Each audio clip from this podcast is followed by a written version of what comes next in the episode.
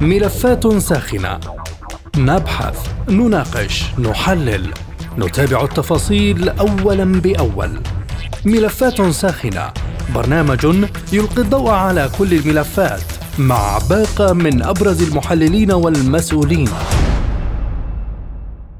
أهلا بكم مستمعينا الكرام في حلقة جديدة من ملفات ساخنة وهذه جيهان لطفي تحييكم. ملف اليوم بعنوان أردوغان يدشن رئاسته بالتقارب مع مصر وتعزيز العمل مع روسيا.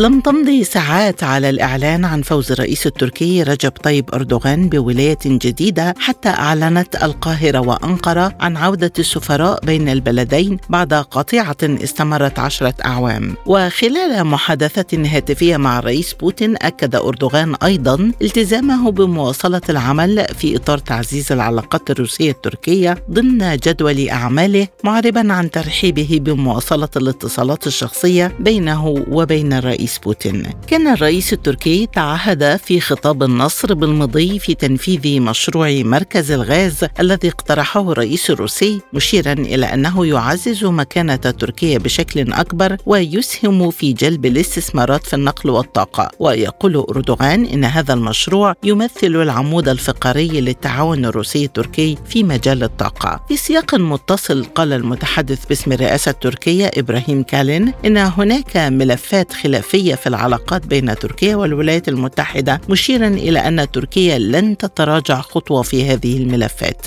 هذه التصريحات دفعت الصحافة الغربية للتحدث عن أردوغان على أنه شريك شائك سيتعين على الولايات المتحدة التعامل معه لمدة خمس سنوات أخرى. فما هي اتجاهات السياسة التركية نحو مصر وروسيا؟ حول هذا الموضوع تدور نقاشاتنا في ملف اليوم من ملفات ساخنة.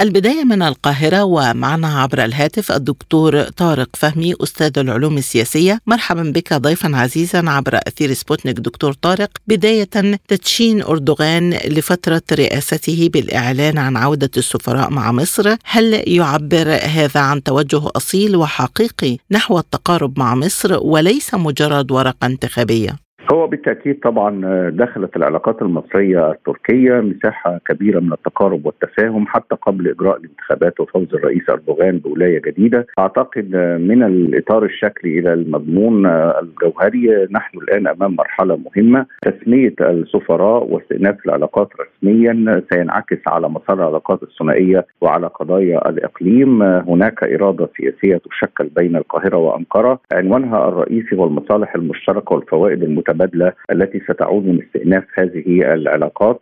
معادلات كبيرة تشكل في الإقليم حضرتك في هذا التوقيت بتحتاج إلى مقاربات مصلحية وعلاقات ثنائية جيدة بدأت بالسعودية إيران ثم مصر تركيا وأعتقد خلال مدى المنظور أيضا سيكون هناك تطور في مسار العلاقات المصرية الإيرانية. الرسالة أننا أمام تحولات كبيرة في الإقليم ترسمها الدول الكبرى أو الرئيسه تركيا، مصر، السعودية، إيران، إضافة إلى تركيا. وبالتالي حالة عدم الاستقرار في الإقليم والسيولة السياسية ستمضي لبعض الوقت إلى حين تشكل هذه المعادلات تحولات حقيقية وعميقة ومباشرة على مجمل القضايا الإقليمية، يعني حلحله المشاكل الإقليمية ستحتاج إلى تفاهمات بمعنى أن الملف الليبي على سبيل المثال سيحتاج إلى تنسيق مصري تركي. أيضا المسائل الإقليمية كالمسألة اليمنية ستحتاج إلى تنسيقها من قبل السعودية وإيران وهكذا. وبالتالي المعادلات الكبرى ستشكل وفق هذه المقاربة الجديدة. الجانب التركي بيقدم نموذج للسياسة الواقعية القائمة على فكرة ليس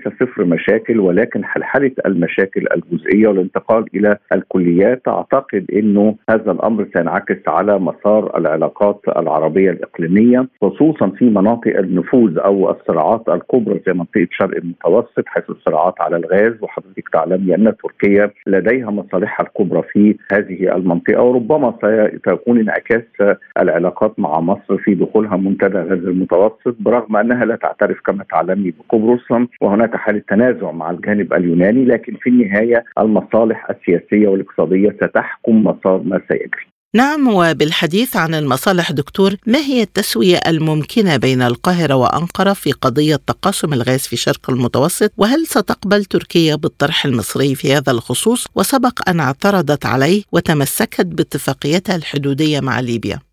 كما تعلمي هناك إشكالية متعلقة برسم الحدود المصرية مع قبرص ومع اليونان وهي حدود رسمت بصورة نهائية إضافة طبعا إلى أن الحدود البحرية لم ترسم بين مصر وإسرائيل حتى الآن. هناك جملة من الاعتراضات التركية حتى على الجانب الليبي المصري مصر رسمت حدودها مع ليبيا من جانب واحد. لكن دعيني أصارحك أن الجانب التركي لم يبدي أي تحفظات في هذا الملف ودعا الطرفين إلى العودة إلى التفاوض لإقرار رسم حدود مشترك بين القاهرة وبين ليبيا، لكن الإشكالية الرئيسة هي مرتبطة حضرتك بأمرين، الأمر الأول هو وجود توافقات بمعنى توافقات الحد الأدنى بالنسبة لرسم الحدود، النزاع التاريخي بين اليونان وتركيا جزء مما يجري، لكن عدم اعتراف تركيا مثلا بقبرص وشبه جزيرة كريت وما يجاورها ستكون محل تناقض، لكن لا تنسي أن هناك مصالح مرتبطة بخطوط الغاز الجديدة. وسعي كل طرف لبناء توافقات. إسرائيل أيضا حاضرة وبالتالي هناك مقايضات ستجرى بصرف النظر عن التحفظ التركي عما جرى سيكون هناك تقاسم بالمصالح بين آه، تركيا بين مصر بين إسرائيل وأيضا طرفي المعادلة في شرق المتوسط وهي قبرص واليونان. إذا هي القضية ليست تحفظا على ما يجري فيه بالنسبة لليبيا أو بالنسبة لشرق المتوسط. هناك وجود ووجود عسكري في ليبيا بناء على اتفاقية مطعون في شرعيتها مع حكومة حكومه السراجة وبالتالي أعتقد إنه تجاوز هذه المشاكل إلى الدخول إلى المصالح والمقاربات الاقتصادية سيكون هو الحاكم. بمعنى سعي تركيا لتقديم نموذج جيد وجديد في الإقليم لا يقوم على طرح الأبعاد القديمة. بمعنى أن الأتراك واقعيين يتحدثون عن إمكانية الحوار مع اليونان في إطار حلف الأطلنطي وخارجه باعتبار أن الدولتين في الحلف وكما تعلمي تركيا هي ثاني أكبر جيش في الحلف وبالتالي لا توجد لديها مشاكل في التعامل مع هذا. مناخ جديد يتشكل قائم على فكرة المصالح المشتركة وتركيا تعبر عن هذا النموذج خير تعبير. إذا دكتور إلى أي مدى يمكن أن تذهب القاهرة في تعديل الاتفاقات مع قبرص واليونان لصالح التقارب مع تركيا؟ ولمسنا في وقت سابق مرونة في تصريحات المسؤولين المصريين في هذا الخصوص. لا أعتقد إن القاهرة ستراجع أي اتفاق هذا ملف مغلق تماما والقاهرة وجهت رسائل تطمينات للجانبين القبرصي واليوناني وكانت هناك بالفعل بعض المخاوف لكن مصر دولة مسؤولة ولديها مبادئها ولا يوجد في ذاكرتي أن مصر عادت في مراحل معينة لأي اتفاقيات أبرمتها مع أي دول سواء في الشرق المتوسط أو خارجها. وبالتالي الرسالة للجانب التركي أننا نتعامل مع واقع جديد يتشكل في الإقليم في الشرق المتوسط وفي ليبيا وفي مناطق الصراعات الأخرى. وبالتالي هذا هو ما تطرحه القاهرة. وفي تقديري الشخصي أن الجانب التركي قبل بهذه المعادلة ولو بصورة مستترة سواء في التعامل مع الملف الليبي حيث رسم المصريين خط سيرة الجفرة والتزم به الجانب التركي ولم تدخل القاهرة أو أنقرة في أي مناوشات. بالعكس تم التأكيد على مصالح كل طرف. لغة جديدة تتشكل بصرف النظر عما يجري في بعض التصريحات هنا أو هناك. لكن القاهرة لن تستبدل حديثا بآخر بمعنى أنها تتخلى عن قبرص أو اليونان مقابل إقامة علاقات مع تركيا. القاهرة لا تفكر بهذا المنطق. هناك مساحات وتشابكات في العلاقات بين الأطراف المختلفة بين مصر وقبرص واليونان وسائر دول الشرق المتوسط. وبالتالي القاهرة حريصه على الحفاظ على مصالحها الكبرى اتجهت إلى رسم الحدود مع الجانب الليبي لحسابات اقتصادية بحتة لا علاقة لها بالخلاف المستمر بين شرق وغرب ليبيا وإنما تاكيدا لمصالحها في هذه المنطقة الاقتصادية الخالصة إلى أي مدى يمكن أن تستجيب أنقرة للمطلب المصري بالتوقف تماما عن دعم تيارات الإسلام السياسي بعد أن استثمرت تركيا الكثير في هذا التيار وبات ورقة قوية في يد الإدارة التركية؟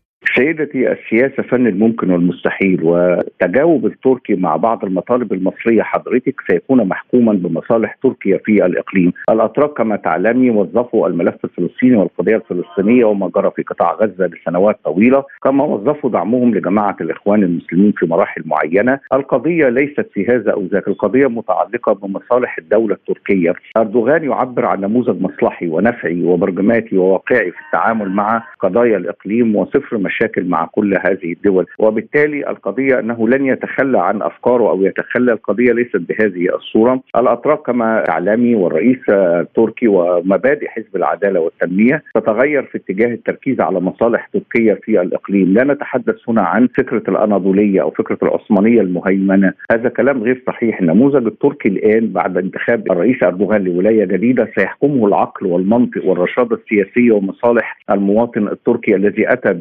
بولايه اخيره للرئيس أردوغان، هذا هو المهم الآن وليس دعم هذه الجماعات أو غيرها، وستكون هناك موائمات يعني لن تكون المسألة صفرية أو حدية حضرتك، ستكون هناك موائمات بالنسبة للسياسة التركية تجاه دعم الوكلاء أو الأطراف الإقليمية أو للحفاظ على مصالحهم سواء كان بالنسبة في الملف السوري أو حتى بالنسبة لليبيا أو قضايا الإقليم الأخرى، الأتراك يتحدثون عن علاقات ثنائية قائمة على فكرة النفعية المتبادلة وليس التدخل في هذا. في مراحل معينة تحفظوا على منطق الدولة المصرية بالحديث عن عدم التدخل في الشؤون الداخلية بالنسبة للعراق، بالنسبة لسوريا، بالنسبة لغزة، بالنسبة لليبيا وبالتالي الآن المصالح المتبادلة هي التي ستحكم ما سيتم في الفترة المقبلة وأنا في تقديري أن الرشاده السياسية ستحكم منطق أردوغان في التعامل مع مثل هذه القضايا.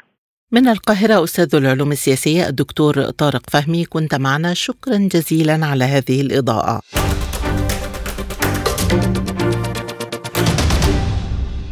إذا ما هي محددات الدور الذي يمكن أن يلعبه الرئيس التركي كشريك لروسيا؟ حول هذا الجانب معنا من موسكو الخبير في الشأن الروسي الدكتور فائز حوالة. مرحبا بك معنا دكتور وبداية كيف تقيم إعلان أردوغان فور فوزه عن تعزيز العلاقات مع روسيا وعدم التراجع في الملفات الخلافية مع واشنطن وفي نفس الوقت أيضا استئناف المفاوضات مع أمريكا بشأن مقاتلات إف 16 برأيك هل يمارس الرئيس التركي ضغوطا على واشنطن في هذا الخصوص؟ بداية تحية لكم ولمستمعيكم ومتابعيكم الأكارم بكل تأكيد فوز الرئيس التركي رجب طيب أردوغان في الجولة الثانية من الانتخابات الرئاسية في تركيا هي تعزز وجود العالم الجديد وأعتقد بأن الرئيس التركي رجب طيب أردوغان هو قارئ جيد للمستقبل وهو قارئ جيد أيضا للمتحولات الجيوسياسية التي تعصف بالعالم في هذا الوقت، في الوقت الذي تحاول الدول الغربية والولايات المتحدة الأمريكية ممارسة أقصى أنواع الضغوط على السياسة الخارجية تحديدا لتركيا بشكل عام نظرا لأهميتها الجيوسياسية في العالم الجديد، أما بالنسبة للرئيس التركي طبعا امامه تحديات كبيرة، تحديات داخلية اقتصادية وتحديات خارجية، التحديات الداخلية طبعا اقتصادية تعتمد بالدرجة الأولى على إيجاد المزيد من أنواع الاستثمارات التي في حقيقة الأمر تقدمها روسيا بالدرجة الأولى إضافة إلى دول الخليج العربي، وبالتالي فإن الاتجاه حتى قبل الانتخابات لتحسين علاقات الرئيس التركي أو تركيا بشكل عام مع دول الخليج العربي واليوم ما نراه من عملية محاولة تحسين العلاقات مع جمهورية مصر العربية، كل هذا في نهاية المطاف يصب في الناحية الاقتصادية وتعزيز وتقويه الاقتصاد التركي الذي يعاني ما يعانيه،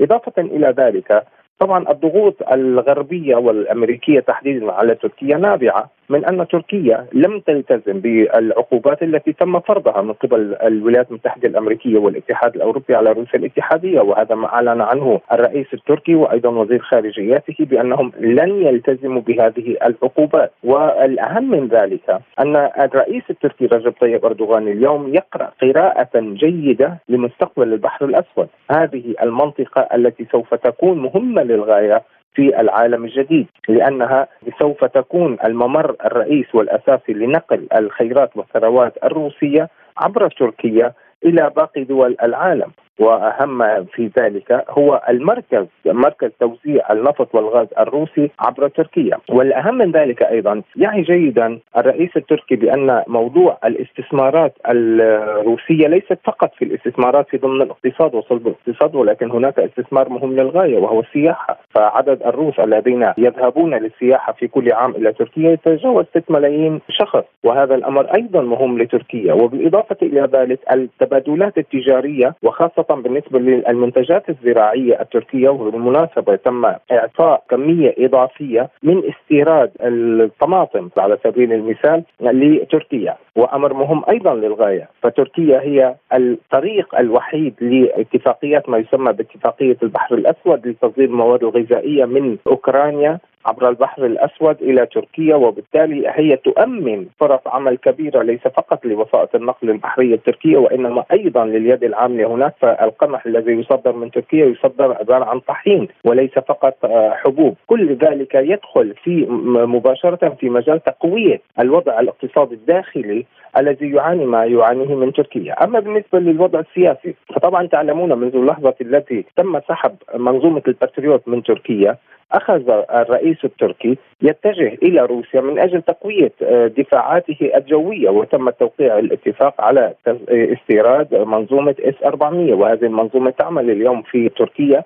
ويحاول أيضا الرئيس التركي رجب طيب أردوغان طلب المزيد من هذه المنظومات في الوقت الذي نرى فيه بأن الولايات المتحدة الأمريكية أخرجت تركيا من برنامج صناعة الإف 35 وحتى بيع الإف 35 الأمريكية في الصنع إلى تركيا على الرغم من أن تركيا دفعت حوالي مليار ونصف دولار في هذا البرنامج. وبالإضافة إلى ذلك أيضا طلب منهم طائرات إف 16 وأيضا امتنعت أمريكا عن بيع هذه المقاتلات التركية. كل هذه الأمور تعني تماما بأن تركيا لم تعد تثق بالحليف الأمريكي سواء كان حليف سياسي أو حليف ضمن الناتو وبالتالي لا بد له من أجل أن تبقى تركيا دولة محورية ليست فقط على مستوى الإقليم وإنما على المستوى العالمي والدولي خاصة في ظل التغيرات التي تحدثنا عنها وظهور العالم الجديد، لذلك فهو محكوم بكل الأحوال بالاتجاه نحو روسيا وتقويه علاقاته الاقتصادية والسياسية مع روسيا، وبالإضافة إلى ذلك كله نرى بأن اليوم تركيا تحاول أيضا الانضمام إلى منظومة البريكس وهي منظم شنغهاي، ماذا يعني ذلك؟ هذا يعني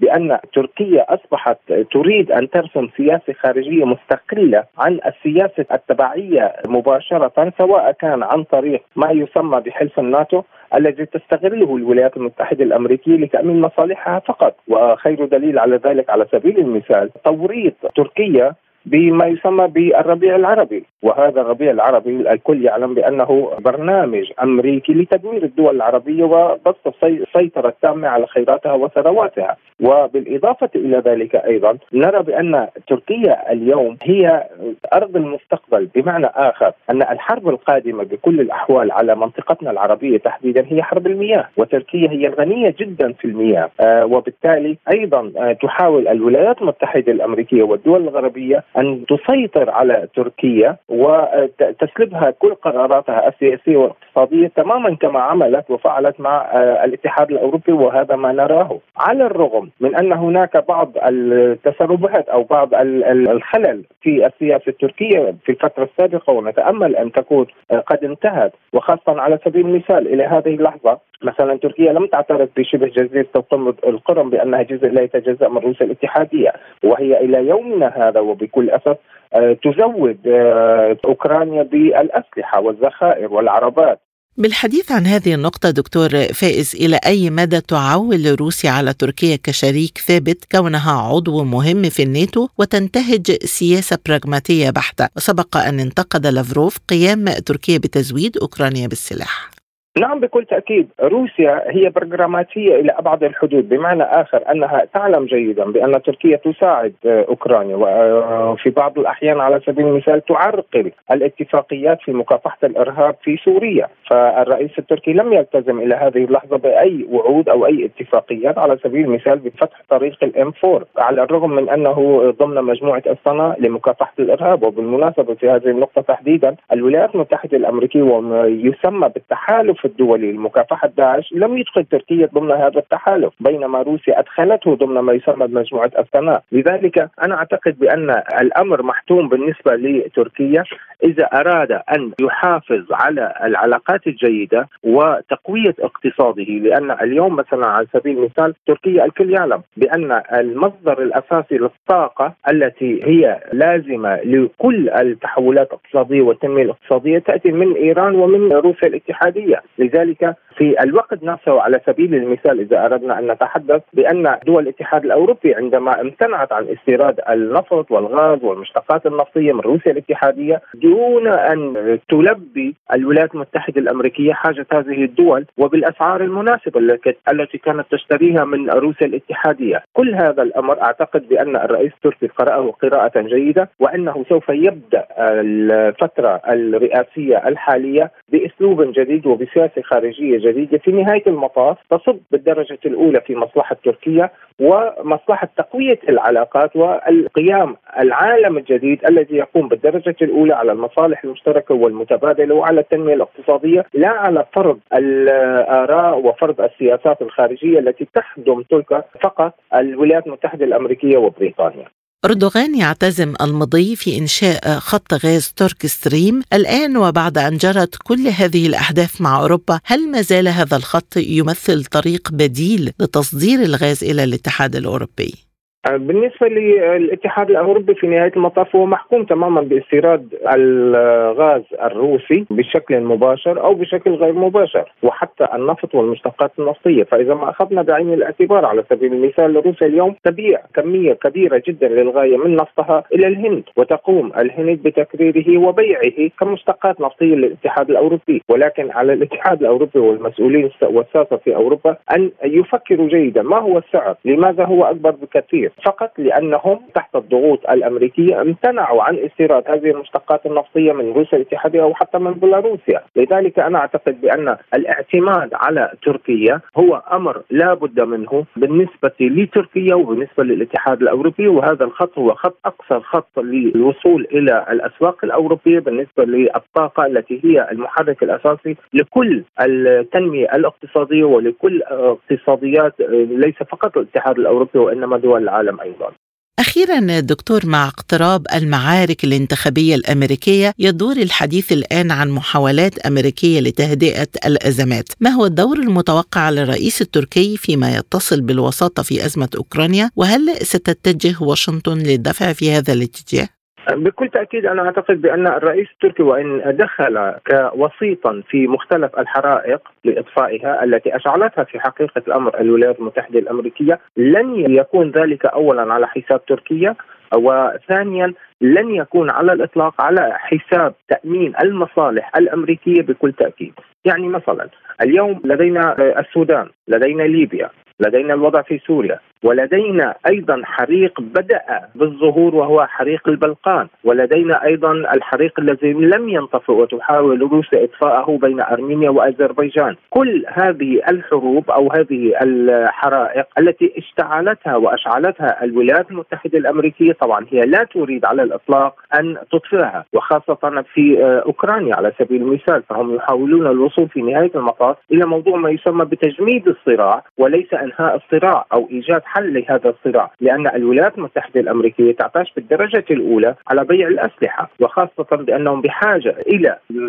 تصدير المشاكل الداخلية التي أصبحت واضحة للعيان وفي كل الاتجاهات سواء كان في الاتجاهات الاقتصادية وخاصة وبعد أن مددوا أو رفع سقف الدين للولايات المتحدة الأمريكية. هذا الأمر لا يعني أنهم قضوا على المديونية ولكن هذا يعني بأن انفجار هذه الفقاعة الاقتصادية في الولايات المتحدة الأمريكية تم تأجيله وفي الحقيقة الأمر تم تأجيله لسنة وهذا الأمر يعني تماما حتى تخطي الانتخابات الرئاسية في الولايات المتحدة الأمريكية القادمة في العام القادم. وبالتالي يعني ذلك بأن الولايات المتحدة الأمريكية قادمة على مشاكل ليست فقط داخلية بسبب تفشي العنصرية على سبيل المثال الانحلال الأخلاقي الذي أصبح يظهر بشكل واضح للعيان على الرغم من الرفض الداخلي الأمريكي، الأمريكان لا يريدون الشعب الأمريكي لا يحبذون الانحلال الأخلاقي. وكذلك يتم تدويل ذلك في دول الاتحاد الأوروبي. كل ذلك من أجل أن تقوم الولايات المتحدة الأمريكية بتصدير مشاكلها الداخلية، لذلك هي ستحاول الاعتماد مرة أخرى على حليفها ولنقول ونأمل ذلك حليفها السابق تركيا الذي كان رأس حربة لتنفيذ جميع المشاريع الأمريكية في مختلف القارات في العالم في آسيا الوسطى في القوقاز وما وراء القوقاز في آه، دول الوطن العربي. كل ذلك كان يتجلى واضحا من سياسة الرئيس التركي قبل الانتخابات الأخيرة من أنه فعلا هو رأس حربة لتنفيذ المخططات الغربية والأمريكية في منطقة الشرق الأوسط. تحت أهداف معينة له تحت طمعه في أن يكون له السلطة الوحيدة في من في مناطق متعددة تحت أهداف غير معلنة على الإطلاق على سبيل المثال في حال تم إعادة هيكلة مجلس الأمن الدولي ليحصل على مقعد دائم العضوية آه، ممثلا للدول الإسلامية وما غير ذلك، كل هذه الأمور التي نستطيع القول بأن الولايات المتحدة الأمريكية وعدت بها تركيا والرئيس التركي تحديدا رجب طيب أردوغان لم تفلح في أي شيء ولم تعطي لتركيا سوى العداوات سواء كان مع دول الجوار أو مع مختلف دول العالم، لذلك أعتقد بأنه اليوم يحاول إعادة تصوير سياسته الخارجية من موسكو خبير الشؤون الروسية الدكتور فائز حوالة كنت معنا. شكرا جزيلا لك.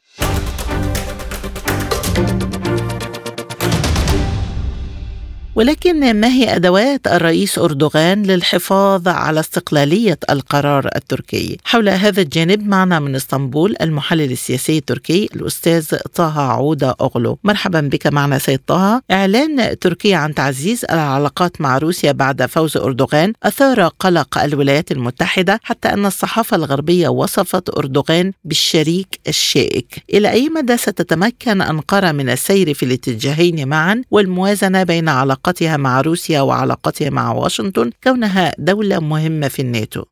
يعني أنا أتصور أعتقد بعد الفوز الذي حققه الرئيس رجب طيب أردوغان والدعم الذي آه، لاقاه من آه، روسيا خلال الفترة والعلاقات الجيدة والمتطورة ما بين أنقرة وموسكو سوف آه، نشهد هناك تطور أكثر خلال المرحلة المقبلة ما بين البلدين اقصد العلاقات التركية الروسية. لكن في المقابل سوف تكون هناك سياسة متوازنة مع الغرب والولايات المتحده الأمريكية، أنقرة لا تريد أو الرئيس رجب طيب اردوغان لا يريد القيام بأي هناك آه، يعني أمور آه، تعكر آه، الأجواء العلاقات التركية الغربية الأمريكية خاصة في ظل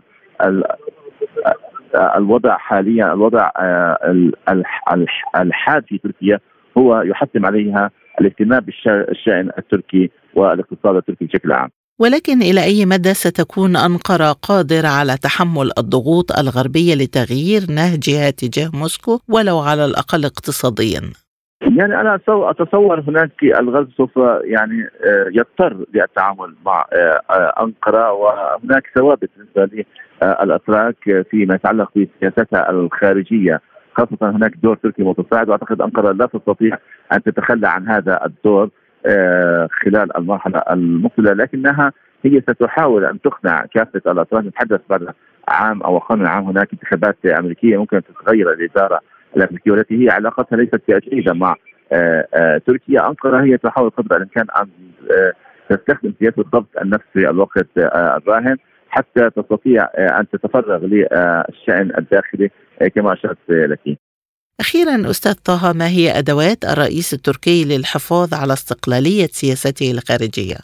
يعني هي حاليا هناك آه، النجاح الذي حققه أردوغان في آه، هذه الانتخابات هي آه، أداة مهمة وخاصة أنه هو كما أشرت لك له بعض الثوابت التي لا تتغير وخاصة بأن هناك سياسة متعددة الأبعاد انتهجتها أنقرة خلال الفترة الأخيرة الماضية وهذه السياسة سوف تستمر ولكن هي بين قوسين الحوار والتهدئة وأن العالم يشهد هذا الوضع في الوقت الراهن. لذا أنقرة سوف تحافظ على سياسة التوازن التي بدأتها قبل فترة. بحديثي إلى المحلل السياسي من إسطنبول الأستاذ طه عودة أغلو نكون قد وصلنا لختام حلقة اليوم من ملفات ساخنة. للمزيد زوروا موقعنا على الإنترنت سبوتنيك دوت اي اي هذه تحياتي جيهان لطفي شكرا لطيب المتابعة وإلى اللقاء. مستمعينا بهذا نصل وإياكم إلى نهاية هذه الحلقة من برنامج ملفات ساخنة. طابت أوقاتكم وإلى اللقاء.